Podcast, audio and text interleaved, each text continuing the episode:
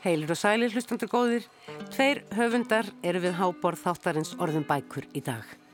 Annars vegar sló ég á þráðin til þingærar þar sem Helen Kova, íslensku ritthöfundur frá Venezuela, hefur búið um skeið. Áður bjó hún í Reykjavík og var sí skrifandi, sendi fyrir nokkrum árum frá sér barnabók og nú er það örsagnasapn, sjálfs átt að geta sjálfan sig. Við heyrum í Helen Kova hér rétt á eftir. Undir lokþáttar ræðum við svo við Sigriði Hagalín Bjöstóttur sem nú hefur sendt frá sér skáldsögu nr. 3. Eldarnir heitir hún og fjallar um ást og tilfinningar, innra líf mannesku en líka innra líf jarðarinnar, nánar tiltekið þessa skika sem við búum á og köllum landið okkar. En fyrst fáinn orð um mikilvægstu bækurnar.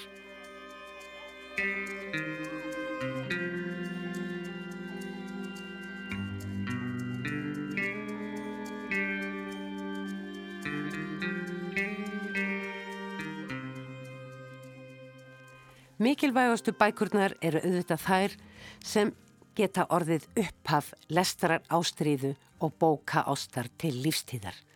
Já, ég er að tala um bækur fyrir yngstu börnin en af nýjum bókum þeirrar greinar er dáindi skott úrval fyrir þessi jólin. Þótt vissulega mætti það vera fjörbreytilegra. Bækur fyrir yngstu börnin, allt niður í tveggjára, er ekki bara mikilvægar, heldur er þær bestu svo mikil kunst. Það þarf svo mikinn frumleika, alúð og hugmyndaflug af höfundarins hálfu til að setja á bók fram efni sem ætlaðir upprennandi lesendum. Lesendum sem enn búa yfir takmörkuðum orðaforða og reynslu heimur þeirra er svo ger ólíkur okkar hinn að fullornu.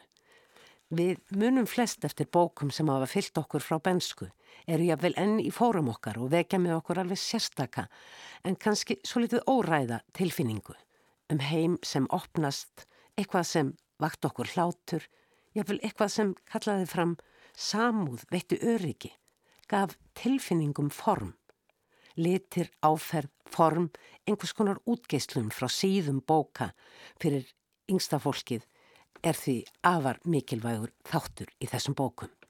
Virðulegur bókmyndaþáttur eins og orðum bækur fær reyndar ekki mikið af þessum bókum upp í hendunar, en þó einhverjar og ber útgefundum þakkir skildar fyrir það. Það er svo mikil list að gera góðar bækur fyrir unga lesendur sem oftast sitja með foreldrum eða öðrum fullornum við að lesa og skoða sem er enn eitt bónusin í tengslum við bækur ætlaðar þeim yngstu, nefnilega samveran. Allt þetta, samveran, listræn útfæsla, spenna, fyndni, geska, framandleiki, er að finna meira og minna í myndunum en ekki bara til að mynda í nýjustu bók Áslögar Jónsdóttur, Sjáðu, harðspjaldabók sem var í síðustu viku tilnæmt til fjöruverlununa. Og það eru líka orð í þessari ágættu bók, Sjáðu, mátulega mikið af þeim um leiðuðu sína svo vel ævintýrin sem orðin geima. Sjáðu, kontu út, kíktu á, kynja dýr, stór og smá. Sjáðu ref, sjáðu fuggl, syngdu með, þölu ruggl. Sjáðu kött, sjáðu mús, sjáðu götur og hús. Sjáðu rósir í röð, rusla tunnan er glöð. Áslög Jónsdóttir á YouTube að lesa úr þessari dásamlegu bók Sjáðu sem allir yngstu bóka ormonum og þær eru fleiri í flóðinu jóla barnabækurnar, bæði frumsamdar eftir íslenska höfunda og þýttar. Í næstu þáttum er ætlunin að huga meira að barnabókum.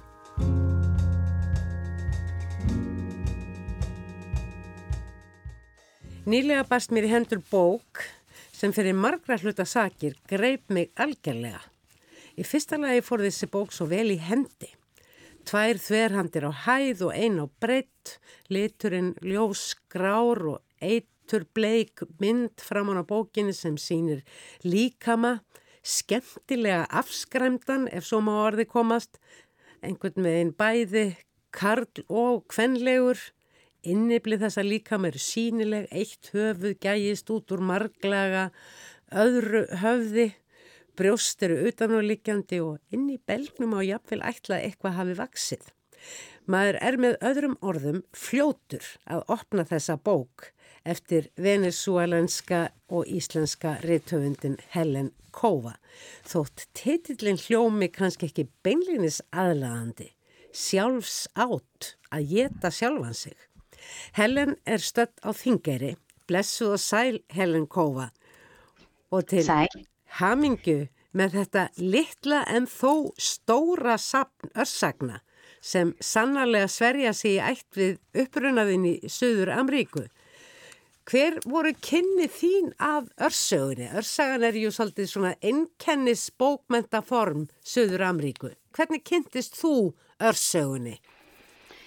Eins og þú veist, ég fæðist í Venezuela og við erum alltaf mjög mikið í kringum e, söður-ameríska e, bókmenta. Það eru nokkrar e, rítvöndur sem hefur gert svona, hvernig myndi maður segja, svona uh, spórin á mér. Til dæmis Horacio Quiroga sem skrifar líka svona stúdsögu. Ég veit ekki, þetta er eitthvað að þú veist sem er kannski í blöðinu eða í það sem maður upplifið í Söður-Amerika. Það er eitthvað bara sem kemur. Segir fólk mikið svona stuttar sögur þegar það er hittist og er að tala saman og útskýra lífið og hvað það var að gera og, og hvernig þið líður? Ég, ég held það. Ég, við tólum mikið, sko, uh, það er bara þannig, sko. Við hittum saman, tólum mikið saman, en ég held að það sé mikið í bókmyndun. Það, það er við erum að lesa og eitthvað það kemur mikið svona stúdsaga. Mér finnst persónulega þú veist að með svona stúdsaga get ég bara að segja eitthvað sterk skilabóð. Mér finnst svo ekki að gera svona bara eitthvað sterk og stúd sem, sem kemur eins og ég veit ekki eins og, eins og skott eða eins og, eins og að steina er að detta upp í, upp í hausinn að þér eða eitthvað svo leiðis. Mér finnst það bara skemmtilegt. Já, þetta er ágætt lýsing á sögunum í þessari bók eins og að fá bara stein í hausinn stundum. Já. Þetta eru 13 sögur og þær eru hver annari skrítnari, skemmtilegri og óhugnanlegri. Hafa þessar sögur orðið til á löngum tíma? Ég kom hingað til Þingri, núna ég er á heima hér á Þingri. Ég kom síðasta vetur. Ég var sem sagt að vína smá í Blábankanum sem er hér á Þingri. Í svokvöldluðum Blábanka og Þingeri munum vera allskynns vistarverur og tækjabúnaður sem nýst getur skapandi fólki sem velur að dvelja þar hverju sinni við sköpun fyrir heiminn og fyrir þorpið eins og það er orðað á F-síðunni salir.is. Ég kom í þrjá mánuða til það að skrifa þessi bók og nánast kláraði hana. Hér þetta var mjög erfið vetur, vetur líka. Mikið snjór og... Hér á Þingeri. Ég var að skrifa í fullöf. Ég var ekki að vinna og mér fannst svo þægilegt að skrifa hér, að vera hér í Blábankanum, það er svona rosalega falleg staður, þú veist. Og já, ég held að ég kláraði hana kannski í mæ eða eitthvað svo leiðis. Það þetta var svona fjórar, fimm mánuð sem ég var að skrifa. Hmm. Og þú hefur skrifað bók áður, það var badnabók, uh, Snúla finnst gott að vera einn, þar sem þú varst að fjalla um einveru sem er ekki það sama og einmanna leiki og Snúli er jú skrimsli. Og þetta er badnabók með mikið af teikningum sem við komum kannski að síðar. En, og þú varst að vinna með börnum þegar þú skrifaðir þessa bók. Hafði þetta myrkur þarna á þingeri og hvað? Og ég var, þú veist, þá ég kom hingað og ég var að skrifa og á móti var ég svona að gera nokkra, nokkra hlut fyrir e, fólk hér á þingeri. Hvað varstu þá að? Ég var til dæmis með þrýviðabrendari eh, workshop og borðspilakvöld og bara alls konar hlut fyrir fólk sem, er, sem á heima hér á Þingri. Ég skil en skemmtilegt. En þetta sagnaform, þetta örsagnaform sem er tengist stert þínu heimalandi, Venezuela og Suður Amríku, það hefur einhvern veginn sótt að þér. Þú hefur viljað skrifa í þeim stíl hér á Íslandi. Nei, þetta er uh, svolítið skemmtilegt sagan. Við að ég var að skrifa aðra bók og mikið að reyna, síðan ég var lítinn, ég var að skrifa svona myrka smásögu sem ég var ekki mjög stolt af. Af því að þú veist, þetta var svo myrkur og ég var að tala um döið og einmitt að borða sjálfan sig og svo leiðis og mér langaði að skrifa eitthvað sem var meira uh, lífandi, þú veist, eða meira hamingjusam sögu eða eitthvað svo leiðis og ég var að reyna að fara í þennan leið. En þetta geng ekki mjög vel, af því að þetta var ekki mín röð, skilðu. Þá ég var að lesa uh, Samantha Schweblin, Horacio Quiroga aftur og alla þessar söðurameríska sem ég elska að lesa. Og svo allt í einu, þetta var eins og, þú veist, ég sagði við sjálfa mig, ok, Helen, þetta er allt í lagi. Það er allt í lagi að skrifa eins og þú skrifar. Það er allt í lagi að láta ína röð koma út. Þetta var eins og embrace uh, Mm. my own voice. Og svo byrjaði ég að skrifa og það kom þetta og ég var bara mjög ánægð og mjög stolt af þessu. Þú mátt alveg vera það, þetta er rosalega skemmtilegar sögur en eins og ég segi þær eru líka skriktnar og óhugnanlegar og ekkert alveg borðleggjandi hvernig ber að skilja þær en það skiptir kannski ekki máli. Hvaða saga kom fyrst? Það var uh, geimfæri Jáhá, sem kom fyrst og hérna ég skal uh, taka tækifæri til þess að segja líka eitthvað skemmtilega um þessa sögu að það er eftir amma mín sem var með Alzheimer. Þetta, þetta er bara svolítið skrítið eins og þú varst að segja, kannski skilur maður ekki en þegar ég segir við fólk þetta er svona það sem manneskja með Alzheimer upplifir þá það allt í einu meikar mikið sens. Í morgun vaknaði ég sem geimfari. Mig grunaði það vegna þingslana sem ég fann í útlimunum þegar ég fór fram úr, en fekk staðfestingu á því fyrir framann speilin. Ég vaknaði sem geimfari í öllum búningnum og allt. Ég reyndi eftir mætti að muna hvort ég hefði verið eitthvað áður en ég varð geimfari, en myndi ekki eftir neinu. Ég hlaut að hafa verið geimfari frá fæðingu og ég hlýta hafa fæðist í geimnum, í þessum búningi, því ég þekki engan, eða hvað. Þær letu allar út eins og ég og kölluðu mig mömmu. Engin þeirra átti sér nafn og engin þeirra skipti máli, en einhvern veginn elskaði ég þær innilega. Aðeins örfáar manneskur vita í raun hversu þungur geimbúningur er. Ég get varla gengið, svo þungur er hann. Handleggirnir eru svo þungir að ég get ekki lift matnum til að færa hann að munninum þannig að ég sitt bara ein á hverjum degi fyrir framann sjómarpið. Í gamla daga átti ég til að fylgjast með fólkinu gera alls konar í sjómarpinu. Nú á dögum eru það þau sem fylgjast með mér. Það var líka vinkona mín, hún sagði að hún þurfti að lesa bókina þrísvar og svo þegar hún las þriðja sínum sann hún allt í einu bara, bara já, einmitt, ég fatt þetta núna. Þetta er skrifað svo, svoleiðis að það er bara svona leyndar skilabóð út um allt sem maður kannski fattar ekki bara í virjunni. og hver og einn fattar með sínum hætti. Akkurat. Sem mér finnst ótrúlega falleg bókmynd að gerir svona. Það er allir að lesa með sínum, um, hvernig segir maður, point of view og með sínum experience. Með lífinu. reynslu. Já, Hmm. Mér fannst til dæmis sagan Hár. Þú, þú skrifa mikið um börn og svona, hvað ég segja, eiginlega kúunbarna og hvernig börn eru að sínu leiti misnotuð og farið illa með þau. já, og líka hérna mömmur. Það er mikið mamma og barn um, relationship Samband móður og bass. Já, og þetta hefur mikið að segja við mín lífið, sko, mín uh, upprana, svona, hvað heitir þetta? My growing up experience. Það, það er þannig, þar sem ég var um, Alinu. það sem ég, upp, já, það sem ég upplifis.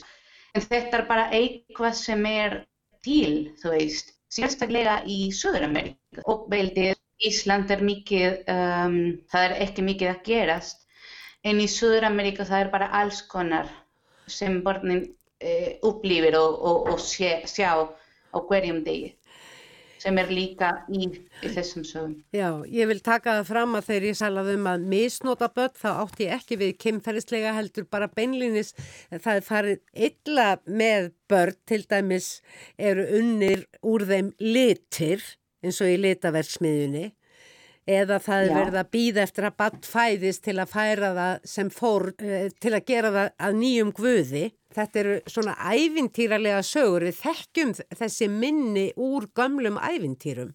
Já, og sko þetta er ekki, alls ekki orð eftir orð það sem ég upplifið. Nei, ég veit það. Er, þetta er svona leið til þess að segja að þetta sé til, þú veist, og uppveldið er í alls konar formi og, og það eru börn og konur og sem eru að upplifa þetta á hverjum degi. Þetta eru jú fantasíur, þetta eru surrealískar sögur. Einmitt. Og líka, eh, hvað heitir þetta eftir, eh, dofra, dofra raunsegi, kannski. Já, Þú veist, ég, ég er að tala stundum um eitthvað að hlóa sér hendinni eins og þetta var, þú veist, bara það sem gerist okkur um degi eða eitthvað svo leiðist. Þegar ég hjóa mér höndina með sveðju, sögð mamma súpu handa þeim fátæku upp úr hendinni. Þeir fátæku sögðu að súpan hefði bragðast betur ef við hefðum gert hana úr vinstri hendinni, en ég er örfhend. Þegar ég spurði mömmu hvers vegna hún lagaði súpu úr hægri hendinni minni, svaraði hún að það væri alltaf einhver sem hefði nót fyrir það sem öðrum þætti ofaukið og að svo leksja myndi kenna mér að högva aldrei aftur af mér höndina. Dálitið íkt finnst mér þar sem ég hefði ekki verið færum að högva þá sem eftir var af mér sjálf hvort sem er. Mamma spurði mig ekki hvers vegna ég hjóa mér höndina. Hún kifti sér ekki upp við blóðið eða að ég hefði limlest sjálfa mig með sveðju. Mörgum árum áður hafði hún sjálf sagað af sér höndina vegna þess að hún vildi heldur ekki vera svo eina í þorpinu með tvær hendur. Þetta er skrifað svo, svo leiðis að það hljómar eins og þetta eru reglur af heiminum. Þetta er bara, það gerist og það er ekkert uh, skrítið með það. nei. Varstu búin að skrifa miklu fleiri sögur eða voru það bara þessar 13 sem þú sendir síðan Angelo Rowling sem er uh, titluð reittstjóri þessarar bókar? Ég var með aðra sem ég kláraði ekki og ég er ennþá að skrifa, sko. Mm. En mér fannst að þetta var bara... Um. Í- að þetta var bara tilbúin, skilur. Og Angela, hún gerir rosalega vel, hvernig segir maður, svona verk með þessu. Vann Eh, van vel með sögurnar og, og, og þér. Já, og það er eitthvað sem er líka mjög sérstak um þessi bók, ef ég, se- ef ég má segja það. Hérna, ég var hér í Blábankanum og það var líka á sama tíma og líka núna maður sem heitir Rubén Chumillas sem gerir tekníkar og ég kom hingað í januar, byrjum januar og hann kom hingað í byrjum februar og þú veist, hann var hér og við vorum bara, þú veist, að vinna og, og svo það byrtist um, vináta og ég var að segja við honum hvað ég var að gera og lesa fyrir honum og hann fannst að þessari sögur var æðislegar. Og mér fannst að teikningar sem hann er að gera eru rosalega fallega og æðislega sko. Við tengjum saman og við vorum bara ok, eigum við ekki að gera þetta saman? Og hann minnskreiti hverri sögu og hann gerir líka alla hönnun fyrir bókina og kápan og svo leiðis. þá þetta er bók sem, var, uh, sem, sem við gerum hér á þingiri og það lítur út mjög fallið, það er mjög fallið bók held ég. Þetta er mjög falleg bók og ég ætlaði einmitt að koma að Rúben Kumillas því að myndirnar eru einhvern veginn algjörlega samopnar sögunum. Það eru hluti af hver sögu fyrir sig, hver mynd.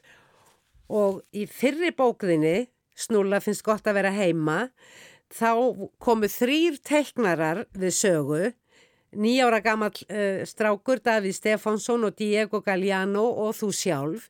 Þannig að þér finnst mikilvægt að hafa myndir í bókonum þínum og þessi staðreind að uh, Rúben Komílas skildi koma mánuð á eftir þér til þingeirar, það er bara hreint eins og þú hafir lokkaðan til þín, dreyjiðan til þingeirar. Eins og heiminn var að segja, ok, hér er Rúben og hér er Helen, gera eitthvað saman. Þetta var mjög skemmtileg og mér finnst, já, einmitt, mér finnst að, að hafa minnskreitingar gerir svona eitthvað pluss fyrir bókina og ég held að með sjálfsáttið að það minnskreitingar og texti virkar svo vel saman þá þetta er, þú veist, þau eru bara næringir hvort aðra, skilur þú hvað ég er að segja? Já. Það er að næra hvort aðra og líka mér langar að segja að þetta er fyrsta bók sem Óspressan er að gefa út, sem er líka merkileg. Óspressan er eins og mörgum er kunnugt tímaritt sem um allnokkurt skeið hefur verið vettvangur fyrir íslenska reittöfunda sem ekki skrifa á íslensku. Og mér finnst að þetta er stór uh, skref sem Óspressan er að taka. Sannarlega. Hérna, Þú skrifar á spænsku, er það ekki? Oftast, já. En þessi bók skrifaði ég á ennsku. Mest af því. Það voru nokkrar orð hér og þar á spænsku og þú veist, stundum var ég, var ég að byrja söguna á spænsku og svo klára á, á ennsku svona. Mm. Og svo Helga Sofja þeiti á íslensku. Einmitt. Viltu ekki segja nokkur orð um þennan skriktna titil, sjálfs átt? að geta sjálfan sig? um, sko ég hugsaði ekki titill á íslensku, þá á ennsku uh, hún heitir autosarkofagi sem er ekki hvernig sem að maður notar ekki mikið þessi orð sko en mm. þú veist autosarkofagi ef þú breytir orðin svona í latin þá auto er bara sjálf og sarkofagi er bara þú veist, dauðan líkami, eða þú veist, borða dauðan líkami. Og þetta er eitthvað sem gerist, þetta er um, sjúkdóma, þar sem fólk byrjar að borða sjálfan sig. Uh -huh. Eða þegar eitthvað í líkami inni byrjar að, ég skal útskýra á einsku, sko, yeah. when, when the body from the inside starts to consume itself. Þetta er svona lækna orð sem er til og það eru fólk í heiminu sem eru að borða sjálfan sig og mér dætt allt í einu þessi orð sko. Ég var bara, þú veist, að skrifa og skrifa, ég átti ekki titill og svo allt í einu ég var bara að skrifa og, og, og kom autosarkofagi. Ég var að tala með Angela, þetta er kannski erfitt orð fyrir fólk að segja autosarkofagi og kannski bara hljómar mikið eins og um, náttúrufræðing eða bara þú veist eitthvað sem ekki mikið bókmyndun en mér fannst að þetta var bara rétt. Og svo hérna Helga Sofía þeiti það á, í sjálfsátt sem mér finnst að passa rosalega vel.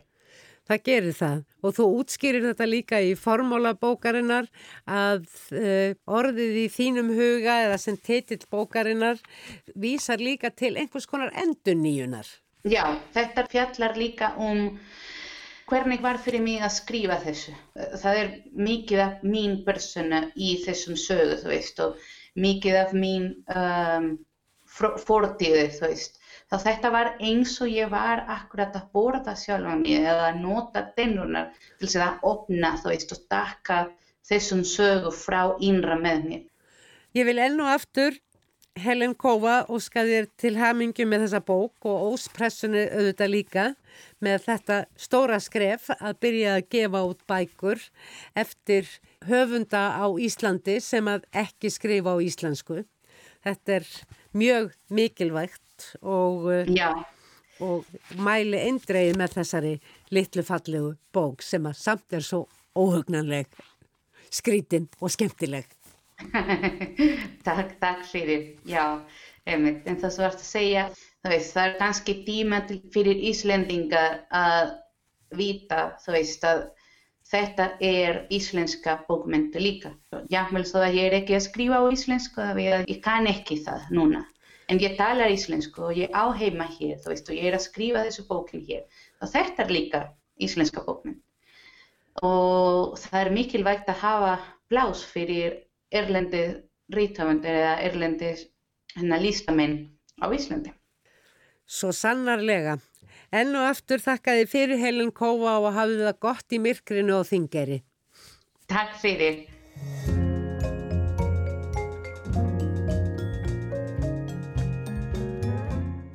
Sigriður Hagalín Björnsdóttir, fréttamaður sjónvarf sem heimsækjur okkur svo oft heima í stofu, þannig að okkur finnst þið þekkjana, kom fyrir fjórum árum með stórum bravúr inn í Íslandst bókmentalíf með sína fyrstu skáldsögu, Eiland, sem þrátt fyrir nokkuð hrollvekjandi umfjöndurarefni náði miklum vinsældum og fekk afbræðs gaggrinni. Bókin fjallaði eins og við flest munum um það sem gæti orðið ef Ísland einlangraðist skindilega frá umheiminum. Í sögunni fléttar Sigriðu saman personulegu lífi, ástarsögu og stopnarlegum aðgerðum samfélagsins við áðurnendar aðstæður þegar ljóst verður að liv, eldsneiti og ímislegt annað sem við teljum til sjálfsæðra hluta er skindilega ill eða alls ekki fáanlegt. Tveimur árum síðar hafði Sigriður svo skrifað nýja skálsögum, hið heilaga orð, þar sem tungumálið er í brennipunkti og snýst sagan meðal annars um það hvernig maðurinn hefur í aldana rás beitt tungumálinu til að sapna og skrá og skilgreina og jafnvel líka til að afskræma og misnota allar þessar upplýsingar. Hinn einlegi söguþráður skáldsögunar heilega orð er þó mannskvarf, ekki þó gleipsamlegt mannskvarf, heldur ákveður sá sem hverfur að haga hlutum þannig. En hér er líka fjallaðum fjölskyldu fremur óhefbundna fjölskyldu og samskiptin innar hennar. Ef einhverjum þykir þetta rugglingsleg lýsing, þá er bara best að lesa söguna. Hún er bæði áhugaverð og mjög spennandi aflestrar. Nú, tveimur árum eftir að hefði heilaga orð kom út hefur Sigriður Hagalín Björnsdóttir enn sendt frá sér nýja skálsögum, Eldana. Og hér er líka á ferðinni ástarsaga. Ástin er því róvalegu huga, segir Hagalín Björnsdóttir. Já, það er bara svo gaman að skrifa um ástina. Hún er svo uh, alltum líkjandi, þetta er svo, þetta er svo stórt afl mm. í, í tilveru okkar. Það er, það er bara mjög heillandi að taka hana fyrir. Og svo órætt í þessu lífi þar sem við leitum svo gætna við að skipulegja allt. Já, mig langaði núna í þessari nýjustu bóka að skrifa um ástina sem svona hvað ég voru að segja, bara þetta, þetta náttúruafl sem hún er, miklu frekar en svona þessa romantísku upphefnu mynd sem við höfum af henni, það langaði mig til þess að skrifa um hana sem skrimsli. Já, hún hefur sannarlega ákveðin eðileggingar mátt, ekki síður heldur en hitt megin tema sögunar sem eru eldsumbrott, en í skálsögunni eldum fylgjumst við með önnu Arnardóttur jarðvísinda konu sem stendur um það byrja á 50. Hún er gift, tvekja barna móðir, eigin maðurinn Kristinn er lögfræðingur og þau búa á samt þessum efnilegu börnum sínum, Erni sem er umlega 20 og Sölku Snæfríði, vantarlega ekki tilviljum þetta nafn, sem er sjóra í smekklegu einbílishúsi við vatn í næsta nákrenni höfuborgarinnar. Anna er hámentuð í sínum vísundum gegnir stöðu formans Jærvísindastofnunar Háskóla Íslands og álíka sæti í vísindaráði almannavarna. Þegar sagan hefst er hún á bólakafi í kannski storkoslegasta verkefninu sem hún hefur fengist við í sínum fræðum, raunverulegu gósi á og við Reykjanes. Það var áhugavert en líka stórhættulegt og þarna þarf ítrustu nákvæmni til að greina og áætla en líka frumleika að hálfu vísindamannina svo hægt sé að spá fyrir um hvað muni gerast og hvernig megi bregðast við því. En það er ekki bara jörðin sem skelfur eins og við komum inn á Sýriður, eh, það er líka hjarta önnu og þar með þið þægilega líf hennar og fjölskyldunar við vatnið. Þú sagðir að þú hefði gætna vilja fjallum ástina sem hamfarir. Kom þessi jarðfræði vinkill strax á móti eða, eða hvernig gerðist Nei, þetta? Nei, hann gerði það eiginlega ekki. Tilur þessarar sögur eiginlega svo, ég varði eiginlega skipreika með handrit sem ég var með í, í vinslu uh, og ég var svona alltaf á milli vita og fór að bara lesa eins og maður gerir kannski við slíkar maður að lesa ósvöldlega mikið og ég las önnu Karininu eftir Tolstói í þýðingu Magnúsar Áskessunar sem rík heldur ennþá eftir, eftir alla þessa áratíu og, og það er hann einmitt að fjallum ástina sem svona þetta eigðilegjandi vald eða teflir sagt, ást önnu Karinínu sama við aðra ást sem er þá uppbyggileg og, og svona fróm, þessi fróma ídealega, þessi ákjósanlega ást og svo þessi, eins og þessi eigðilegjandi kynferðislega ást sem, mm. sem grýpur önnu Karinínu og eigðilegu lífana og mér dætt í huga að það gæti verið gaman að snúa þessari sögu svona einhvern veginn upp á nútíman. Snúa þessu upp á þessa dæmigerðu ofurkonu, íslensku framakonu sem er einhvern veginn með allt 100% á hreinu bæði í yngalífinu og, og í vinnunni og, og hún er mentuð, ber mikla ábyrð, það er með mannaforráð og allt þetta en sérstaklega hún hefur stjórn fullkomna stjórn á lífi sínu en samt sem áður þá, þá missir hún stjórn á því, það, það fer allt út fyrir. Mm. og þessi jarfræðivingil kom eiginlega til mér bara fyrir helbera tilviljun, ég var að lesa einhver greinum uh, segulpólinn í norðri. Ég held að þetta hafa bara verið einhver grein í National Geographic eða eitthvað. Og segulpólinn í norðri er sérstaklega reyfingu og búin að vera reyfingi mörg ár og engin veit hvers vegna. Og það er sérstaklega viðtal þar við vísindamann við konu sem segir í greininni eins og allir vita er segulpólinn í norðri ákaflega viðkvæmur staður. Falleg setning. Ja, þetta er falleg setning og allt í henni þá bara kom svona lítið ljósapera svona fyrir ofan höfuðum og ég hugsaði mér já, mér langar þess að skrifa um svona manneski. Manneski sem talar og hugsa svona um einhvern veginn kraftana í jörðinni undir okkur.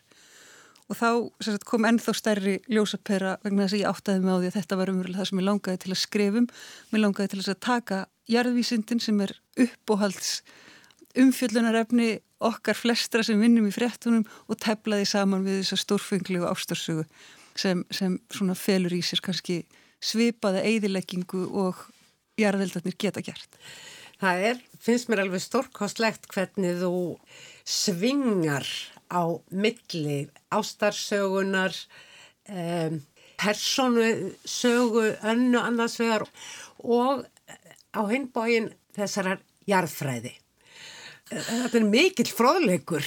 Hún er bara svo hillandi. Hún er svo ofsalega, ofsalega hillandi og ég vissi nú ekki mikið því ég byrjaði. Ég, náttúrulega eins og allir fréttamenn þá er ég kannski svolítið svona amatörjarfræðingur sko. Verðum að vera svona, vita svona helst, þekkja helstu hugtökin bara til að geta fjallað um hlutina þegar þeir gerast. En ég var ekki búin að lesa mér nýtt til að neinu, neinu ráði sko og er mjög lítið vísendalega í hugsunað upplægi þannig að þetta var ákveðið svona áttak að bæði að lesa mig til um þetta og líka að setja mig bara í spór þessara konu sem er bara svo mikill vísendamæður að það kemst eða ekkit annað að í, í lífinar. En það er til alveg ofsalega gott svona grundvallaritt sem kom út fyrir nokkrum árum sem heitir Náttúruvá uh, og fjallar um jarðelda og, og jarðhræringar á, á Íslandi og þetta er bara stórkosli bók sem hafa verið til okkur einasta íslensku heimili, myndi ég að segja og hún reyndis mér afskaplega vel þessi bók og svo líka bara jarðvísindamennitin sjálfur. Ég tók viðtölu við marga þeirra og þeir lásu yfir hjá mér og hjálpuðu mér með svona þessu praktísku atrið. Mm. Svo mikið af þessu er svo vel skrifað. Jarðvísindamenn eru að upplægi margir alveg ofsalega svona bæði romantískir og góður sögumenn, þeir nota mikið myndlíkingar, hafa svona eiginlega bara margir alveg ótrúlega skáldlega sín á mm. þetta, þetta grjótharða viðfangsefni sitt. Þannig að, að vísindatekstarnir umverulega bara hjálpuð mér mjög mikið. Það er annað sem segir söguna. Við erum alveg límt upp við hana sem lesendur og höfum hennar sjónarhorn á alla hluti. En svo er sagan líka þannig að hún er í fjölmörgum stuttumköplum og nánast held ég bara allir kaplarnir hafa nokkrar hendingar oftast úr jarfræði eða vísindaritum en líka stundum ljóð, jafnvel þýtt ljóð þar sem þýðingin er eftir skáldaða personu. Þessi litlu kaplar framan við eh, kaplarna, er þetta nokkuð skonar á mars, svona takklætisfóðatra vísindamannana sem þú talaði við? Já, auðvitað, veist og það er svo margt af þessu sem er svo skemmtir, þeir eru að lýsa einhverju gasmyndinu eins og, eins og, eins og kampavín gerjast í, í flösku og, mm. og hvað gerist þegar maður hleypir tappanum úr og tala um einhvern veginn eldfjöllin eins og gamla vini sína. Þetta eru bara svona persónleir og falleir tekstar finnst mér oft úr uh, bara í erfisindunum sjálf. Á einstaka stað, ég held að ég muni það öruglega rétt, þá er ekki tilvísun til heimildar og maður fær jáfnvel á tilfinninguna já, já, nú er höfundumættun nú er verið að, að, að skálda. Til dæmis þess að dásamlega fallega kenning sem er svo varhugaverð líka ber í sig svo mikla hættu kenningin um sprungusveimana Ég tek mér auðvitað skáldalegu og þau settu nú svolítið brýtnar yfir, yfir þessu. Sprungusveimarnir náttúrulega eru til og þau náttúrulega eru á, á reyfingu og, og, og landið er á, á reyfingu og það reyfist bara í allt öðrum tíma heldur en við og þess vegna upplifum það ekki sem, sem reyfingu og það er ofsalega uh, falleg uh, bara uppgötun að gera að maður átt að mm. sjá því að, að lífið og jörðin og jörðin sjálf reyfist ekki á, á sama tímaplani. Þetta misræmi tímans í margvíslegum skilningi er ákveðin átaka öksull eða ökslar Já. í þessari bók. Því að við erum ekki bara að tala um stóra ást og uh, um jarðísindin og þessa speiklun það eru nokkrar aðrar sögur sem þarna eiga sér stað. Það er saga hins hamingisama fjölskyldu lífs önnu þar sem allt gengur snöðrulöst og smekklega fyrir sig, börnin efnileg og húsgagnin velvalinn og þau hjálpast að hjónin og útsýnið er fallegt og svo framvegis og svo framvegis. Og þar er þessi skinnseimis ást sem þú vísaði til í önnu Karinínu, falleg reyndar. Svo er það, það tala um konur, konur með metnað, konur sem eru forvittnar og í rauninni stöðu þeirra. Það er ekkert margar konur en það hafa alla sína sögu að segja Já. og taka á svona mismunandi þáttum lífsins. Það er náttúrulega fyrst og fremst móðir söguhetjunar önnu, Guðrún Olga sem að hún eldstrendar ekki upp hjá og það er vinkonannar Ebba, Já. Elisabeth og það er, við skulum ekki gleyma, innanhúsarkitektin sem er afar mikilvægur og rauninni sá sem kemur inn og afhjúpar hvað er í gangi. Já, hún gerir það og hún reyndar sko á fyrir stegum hendritsins þá var hún, var innan húsarkitekti miklu stærri persóna sko sem tók yfir miklu stærri eh, hluta bókarinnar sko en hún olli ákveðinu ójabægi getur við sagt í sögunu þannig að ég, ég skar hana niður við tróg og, og mm. þetta er það sem er eftir af henni.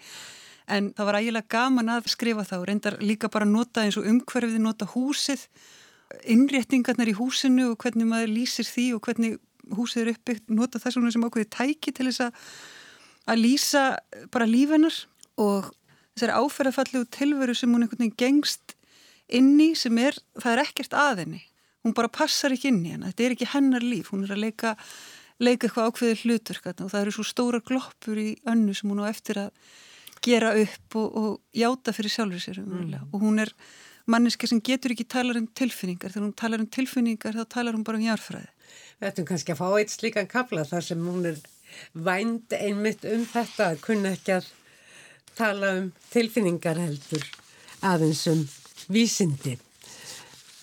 Hvernig varstu svona, spyr hann? Akkur ertu svona hrætt við að elska? Og hvað get ég sagt? Ég hef alltaf haldið að ástinn veri jákvætt og uppbyggilegt afl. Eitthvað sem samanæðu fólk og færðið í hamingju Maður þurfti bara að leggja svo litið á sig, taka tillit og haga sér eins og manneskja, deila kjörum sínum og tilfinningum og þá er allt gott. Við maðurum minn erum vinir, viljum hvort öðru vel. Hvað byðum maðurum meira? Er það ekki uppskrift af lífsamingunni að farsælu hjónabandi? Akkur er það ekki nóg? Akkur getur það ekki verið ást? Spyr ég í örvæntingu og svara sjálfur mér. Vegna þess að ástinni er sama um hugtökins og gæsku og sangirni og réttlæti. Maður getur lifað í sáttu guð og menn áratugum saman, eignast börn og fallegt heimili, borga niður skuldir, rækta gardinsinn, bakað brauð og bóði fólki mat, lifað fallegu og örugu og haminguríku lífi og einmitt þegar maður heldur á maður sér sloppin fyrir vind, byrjar að velta fyrir sér líferismálunum, þá mætir ástinn til leiks og sínir sitt rétta eðli. Hún er engin kettlingur, ó nei. Hún er sjóðheit supernova með víktennur og klær og hala sem hún slæri kringum sig og eyðir öllu sem á veginar verður. Hún er halastjarnar sem skellur á jörðinni og kastar henn af sporbög, breytir möndulhallanum og hefur umskipti á pólunum svo allt snýr á haus og reglulegu brautirnar sem líf okkar ferðuðust eftir eru skindileg ekki til lengur. Það liggi eitthvað út í tómið og enda þar, svo maður dettur út í geim, hrapar, hrapar, hrapar og ekkert getur greipimann nema maðurinn sem maður elskar, maðurinn með grænu augun og skakkabrósið, ástinn mín, elsku í minn. Tómas Adler heitir hann. Já. Ég gerir á fyrir að það nafns ég heldur ekki alveg tilvílin. Adler þýður jú örn. Já, sem er nafnið á föður og, uh, og helstu fyrirmynd söguhetjunar önnu. Já, ég, Þetta fattar það núna. Þetta nafnrinda bara kom, það dætt bara svolítið niður í fangið á mér, ég veit, veit ekkert hvaðan það kom, sko. Og fyrst var, var Tómas Aller svona kannski svona dæmikið romantísk hetja, sko. Þegar ég meiri þess að eignaðist kettlingi voru og skýrðan Tómas í, í höfuð og Tómasi Aller og, og svo fór svona svolítið að fjara undan Tómasi Aller sem sett sögupersonunni sem, sem, sem, sem, sem ævintýraprinsi í handritinu. Þannig að, að hérna, Vesalins kötturinn minn sittur upp með þetta nafn. Já, hann, hann svona svolítið vart bara til af sjálfu sér. Þessi, Þurftur ekki mikið að leita að, að þessu viðfangi sem að Anna þurft að fá fyrir. Þá ást sem þú ætlaður að skrifa um. Það er voða skrítið að personutnar bara verða svolítið til að, að sjálfu sér. Það eru fjölmarkar. Já. Allir þessir kollegar önnu, þessir jarlfræðingar, veðurfræðingar og ég tala nú ekki um þetta fólk sem sagt úr ráðunetti og, og, og hérna. Ég, ég þurfti líka að setja svona lista, það er svona listi yfir helstu, helsta sögufólk sem er fremst í bókinni svona til þess að fólk geti glöggva sig á, á personunum. En þú ert í öllum þessum bókun þínum, ert að fjalla um tókstreitu á milli kerfislegra, hluta og personulegra og tilfinningalegra. Og það er á náttúrulega listin og skáldskapurinn líka heima. Og í fyrstu bókinni þá var fréttafólk, fjölmjölafólk í forgrunni og tókstreita þess við stjórnvöld og svo framvegs. Hér er það kannski meira hagsmuna aðilar sem að Já. takast á. Þetta fólkið er meira í, í bakgrunni nema náttúrulega Tómas Adler sem tekur myndir en hann er líka listamæður sínuleiti en uh, ég veit ekki, ég gerir áfyrir að þessi bók hafi verið svona á loka metrónum þegar að faraldurinn skall á okkur. Ég, hún var, var það nú ekki. Sko. Nei, ég, var, ég, okay. ég, var, ég var komin... Svona sein með hana? Ég var sein með hana, já. Ég byrjaði á henni í september í, í fyrra sem sagt. September, oktober, þannig að ég var komið vel á veg með hana, jú, með fyrsta handrit þegar faraldurinn skall á. En, en mér fannst raunverulega áður en faraldurinn kom inn og ég var samt komið með þessa tókstreitu um þá hvort að þetta hagnýta gósin fyrir uh, ferðamannaðina, en það var, mm. það var alveg komið inn í þetta. Og þessi eilífa tókstreita sem við eigum alltaf í sem þjóð, á hversu mjög leiti eigum við að, að bara hleypa öðru fólki að okkur, getur við sagt. Hvað er okkur óhætt að ganga langt í því og og hvað eigum við að, á hverju eigum við að græða næst? Því náttúrulega erum svo ofsalega vertiðar þjóð við erum alltaf að finna okkur eitthvað, eitthvað nýtt til þess að, að fást við og til þess að, að laða af okkur bara fjármagn og aðtikli og, og, og orgu í heiminum Það er svo skemmtilegu kapli einmitt um þennan áreikstur á einu staði í bókinu mátt lesa hann. Já, endilega Þessar lokanir eru alveg út úr korti, segir Sigriður Marja og setur í plokkaðar brýtnar. Tíu kílometra radíus. Gósið er fullkomlega hættulust, bara falleg síning fyrir ferðamennin okkar. Og við verðum að fá að bjóða á eitthvað annað meira en bara útsýnisferðir í tíu kílometra fjarlagð. Við getum ekki selt eldgósið þannig. Fólk borgar fyrir að finna hitan, komast í snertingu við gósið. Það vil upplifa það, ekki bara sjá það. Þetta er ekki skemmtigarður, segi ég. Eldgós er einhverjir hættulegustu og óútreiknalegustu atbyrður sem eiga sér stað á jörðinni. Við þurfum að sína þeim virðingu. Engin skemmtigarðu, nei, nema fyrir ykkur vísindamennina. Þið vaðið inn fyrir alla lokanir, heilu rúturnar af ykkur, takið með ykkur bláegða stúdenda og erlenda gesti, lappið eins og kongar út um allt gósvæðið og baðið ykkur í aðtiklinni. En þegar ferða þjónustan vill fá bita kökunni fyrir allt hinn alltaf snúast um öryggi og almannavarnir. Við erum fagmenn, segi ég. Gósið getur breytt haugðun sinni fyrirvaralust, það er ekki fyrir hvert sem er að lesa aðstæður og sjá það fyrir. Og ég sé hreinlega ynga þörf á því að hleypa almenningi svona langt inn á gósvæðið. Gjalderistekjur, hrópar Sigriður Marja. Við mókum inn gjalderi, sköpum ný störf. Ísland verður eftirsóttasta ferðamannarland Evrópu. Við getum markfald að tekjurnar með því að hleypa fólki alveg að gósinu, leifa því að upplifa það. Þyrluferðir, brúðkaup, misselin veitingastæðir í hraunjæðurinnum, nautasteikur og humarhalar eldaðir á glóandi hrauni, vettvangsferðir með sérfróðum jarðvísindamönnum, möguleikarnir eru endalösir. Já, möguleikarnir eru endalösir. Þetta hefur við nú heyrt einhver tíman áður. Já. En talandum hinn eiginlegu öll í þessari bók og kannski þau öll sem að stýra lífi okkar hvað mest og jafnframt þau sem við sá, fáum síst við ráðið. Það er náttúran og ástinn.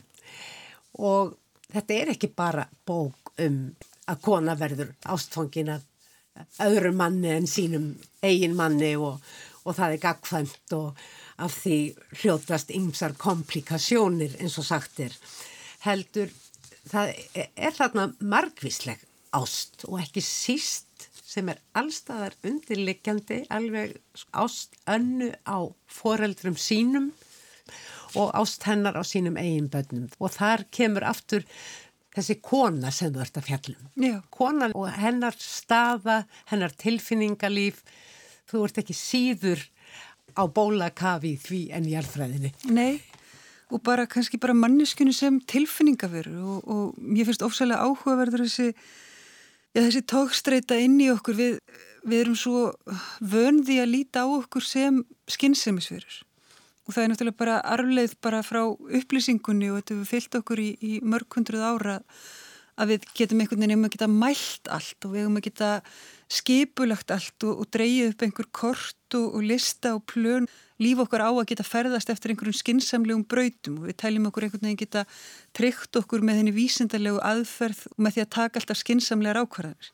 En við náttúrulega erum þannig að séð bara dýr, við erum á valdi tilfinningana, við erum á, á, á valdi umhverfis okkar og, og hvað við erum varnalöska hvert í þegar náttúran tekur af okkur völdin og, og hvort sem það er náttúran innra með okkur eða hvort sem það er einhver veira eða hvort það eru hamfarir í, í undirdjúbunum undir okkur þá höfum við afskaplega litla stjórn á okkur sjálfum og lífu okkar.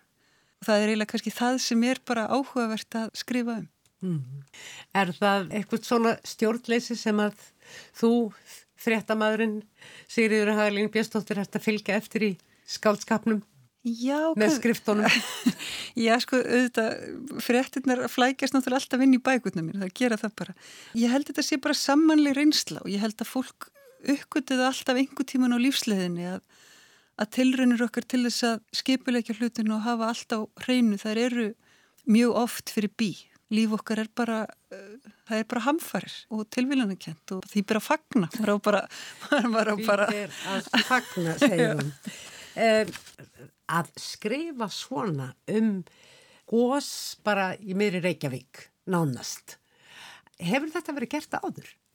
Ég held svei mér ekki. Ég veit ekki. Ég hef ég svona reyndað að glöggva mig á einhverju sem hefur verið skrifað af skáldskap um eldsumbrott á íslensku. Við forðast að held ég frekar bara. Já þetta er náttúrulega, þetta er, það er ofsalega erfitt að skrifa um eldgós á þess að það verði bara einhverju svona klísju, á þess að verði svona ofhlaðið og ofdramatíst og, og kannski er þessi bók ofhlaðin og ofdramatísk, ég veit ekki, þetta er náttúrulega bara er svo, þetta er svo rosalegt umfylgjum. Það er mikið í henni og hún er mjög dramatísk. Já, en, en þú veist, ég minna, þú veist, ég minna Einar Benediktsson, ég minna, hann leik sér að þessu og af skáldum núna undarfærinu ára, ég minna Steinun Sigurðar, hún náttúrulega skrifaði um, um eldfjallafræðing eins og, eins og önnu mína og mm. Ófegur hefur náttúrulega gert þetta í, í bæði Jóni og Örafum og, og Heklugjá. En, þetta er svo nálegt okkur. Já, en svona setja þetta, setja þetta kannski akkurat í þetta samhengi og akkurat inn í nálega framtíð og akkurat hérna í kringum höfuborgina, nei, ég held að það hef ekki verið gert að og hlustendur spyrja sér vantarlega núna sko hvernig í ósköpunum getur þetta endað og jú, það endar vissulega og við förum ekki nánar út í það en mér langar samt til að spyrja þig að lokum, Sigriður Hægalín Björnstóttir var erfitt að enda þessa bók?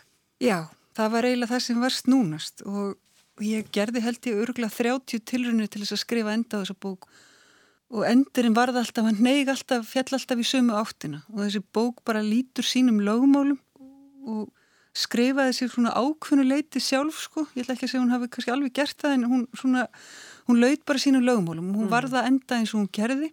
Uh, ég hafði bara ekkit úðalega mikið um það að segja, hún vissi sjálf hvert hún ætlaði. Og, ertu komin að stað með nýtt? Já, segi mér það. ég man, ég tók viðtal við þig eh, eftir að Eiland kom út og þá varstu enn að melda það með þér í byrjun árs 2017 hvort að þú myndi skrifa fleiri bækur já, já. en það er greinlega nokkuð ljóst núna að uh, þú ert á þeirri braut, þeirri vegferð. Man er náttúrulega galin að leggja þetta fyrir sig, það er ekki það. Þakka þér innilega fyrir komuna í þáttin orðum bækur, Sigriður Hagalín Björnstóttir og til hamingu með eldana. Kæra þakkir. Fleiri verða orðum bækur ekki að þessu sinni. Tæknimaður var Lítiða Gretarstóttir. Takk fyrir að hlusta. Verði sæl.